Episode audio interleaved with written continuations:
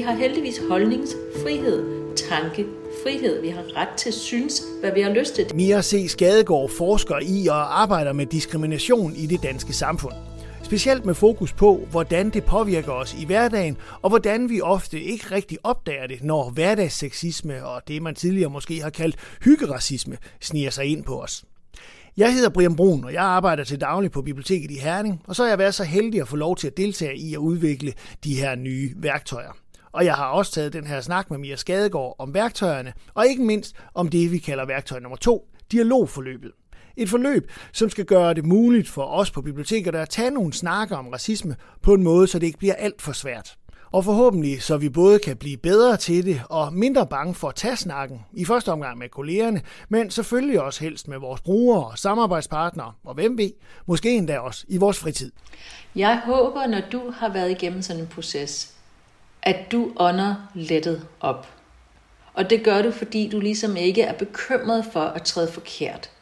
At du ikke er nervøs for at sige eller gøre noget, der kunne støde nogle af dine medarbejdere eller dine øh, medborgere eller borgere, der bruger biblioteket.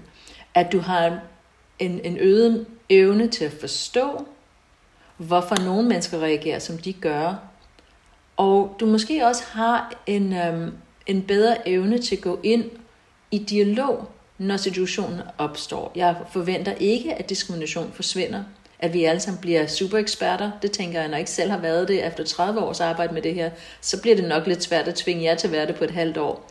Men det jeg håber er, at jeres bevidsthed bliver anderledes, og jeres proces er startet. I begynder at kunne se og identificere, og selv udvikle en proces, som gør, at når folk kommer på biblioteket, at de føler sig mere inkluderet. At når I møder mennesker, der kan føle sig, eller der kan være øh, i risiko for at opleve diskrimination, bliver mødt med en helt anden forståelse, og at I også kan tilgive jer selv.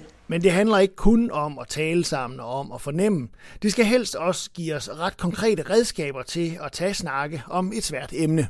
Og jeg tænker også, at jeres viden bliver bare skærpet. Altså det her skærper viden på et felt, vi mangler viden på generelt i Danmark. Altså der findes ikke en håndbog, som er særlig brugbar. Der findes ikke undervisning i folkeskolen, som der burde. Der findes ikke en samtale om det i gymnasierne.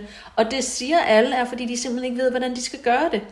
I skulle meget gerne vide, hvordan man gjorde det, når det her er overstået. Der er mange andre emner, der også kunne være svære at tale om, men der er god grund til at starte med netop racisme, for det er måske det allersværeste emne for os, forklarer Mia Skadegaard. Det er lettere for os at tale om køn. Det er lettere for os at tale om handicap. Det er lettere for os at tale om, øh, det er ikke fordi vi er gode til det nu, men vi er bedre til handicap, vi er bedre til øh, tykfobi, vi er bedre til nogle af de her andre, de er mere håndgribelige for os. Fordi vi har en national narrativ og en selvforståelse, det der hedder nordisk exceptionalisme, den her forestilling om, at racisme ikke er et problem i Danmark og i Norden, så har vi også en opfattelse af, at det ikke er et problem.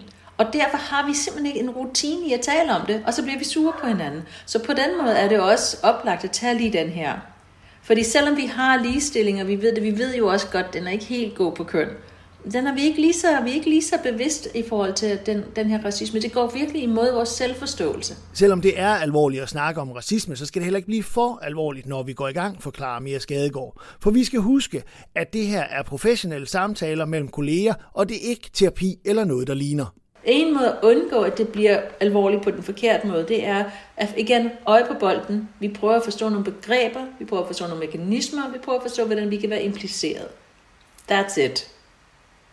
Og så nogle måder, vi kan undgå, altså nogle måder, vi kan tale ordentligt om det på. Det er det, vi prøver at forstå. Hvis, hvis vi bliver for personligt, hvis vi kan mærke selv, og det er jo en vigtig ting, kan vi mærke selv, at nu gør det ondt, så stopper vi. For nej, det skal ikke gøre ondt. Helst skal det faktisk gøre godt og foregå i en tone, hvor vi kan grine sammen, selvom det er alvorligt, siger Mia Skadegaard. Jeg fik skæld ud for at grine den anden dag, da jeg holdt oplæg, fordi der var jeg med en meget woke group, gruppe i Norge, og jeg tænkte, de var måske lidt længere bagud, end jeg troede, de var. Så prøvede jeg at lave et eller andet kæk joke. Det var ikke morsomt. Men det synes jeg, og det blev så morsomt, fordi så grinte vi alle sammen over, hvordan man kan lave en kikset joke som ekspert, fordi man tror, at de ikke ved mere, end de gør. Åh, oh, men det var vildt sjovt. Ja, selvfølgelig må man grine undervejs, ellers så dør vi alle sammen. Fordi et eller andet sted, det er også derfor, jeg siger dumme ting, som møder min yndlingsdiskrimination og sådan ting, fordi det er lidt, det er så alvorligt, og det er så svært, og vi kommer ikke af med det, men vi kan prøve at tale om det på en måde, hvor vi kan være mennesker i det. Så ja, vi skal kunne grine undervejs faktisk. Bare ikke af hinanden. Med hinanden. Når Mia Skadegaard her kalder nogle i hendes publikum for Vogue-typer, så er det for at understrege, at de måske gik ind med lidt overdrevne synspunkter. For selv opfatter hun sig absolut ikke som Vogue. Jeg hader det begreb. Jeg ved ikke, hvad det begreb vil sige. Jeg tror, det begreb, det er altså nogen er altså klogere end andre begreb. Nixon. Den køber jeg ikke. Jeg kan acceptere det. Jeg, jeg er ikke imod det, og jeg vil aldrig gå på en offentlig øh, medieplatform og sige, don't do it. Men personligt mener jeg, at vi alle sammen er um, i en proces sammen. Og vi skal ikke hæve os over hinanden. Hverken med, at min ret til at kalde dig n eller min ret til, til at kalde dig øh, nar. Altså, vi skal prøve at finde det der midtersted mellem de der yderpunkter, synes jeg. Men det er min tilgang. Min tilgang er, at, at vi alle sammen helst gerne vil hinanden i virkeligheden. Men vi er bare alle sammen mærkelige børn med mærkelige oplevelser og opdraget, som vi har opdraget. Nogle gange kan det desværre møde hinanden. Og så skal vi finde nogle veje sammen. Og så har vi været svigtet på mange måder. Vi har et svigt i samfundet, i og med at vi ikke har berørt det her emne, og ingen er klædt på til det her. Mia Skadegaard bruger i dag konsekvent udtrykket N-ordet frem for at sige det ord, det refererer til. Det er ikke fordi, hun vil forbyde nogen at sige hverken det eller andre ord, der måtte støde nogen, hvis der er en grund til det. Hun kan bare ikke lige se, hvorfor hun skulle gøre det. Jeg siger det ikke. Jeg siger det ikke, og det er fordi, at jeg ved, hvad det gør ved de mennesker, der finder det svært at høre, og de mennesker, der føler sig stødt af det, og særligt nu, hvor den der øget, øget bevidsthed omkring det er. Så jeg gør det ikke, fordi det kan være retraumatiserende, og jeg har haft store diskussioner med teoretikere om det, eller altså andre forskere om det, fordi nogen mener, at, at man kan godt bruge det i forskningsøje med, eller i en forskningsartikel. Og der vælger jeg faktisk, jeg har skrevet både artikler og forskningsartikler med hele året, men jeg er gået bort fra det. Nu skriver jeg bare n ord. Simpelthen fordi, at der er ingen grund til, at, at øh, hvad skal man sige, hvis det er absolut nødvendigt, gør det. Men jeg kan ikke, så skal der være en relevans. Folk ved godt, hvad jeg mener. Så det korte af det lange er, at de samtaler, vi skal til at have om racisme, skal for alt i verden ikke bruges til at slå hinanden i hovedet med de rigtige holdninger. Vi skal først og fremmest forstå hinanden og acceptere, at vi har forskellige holdninger.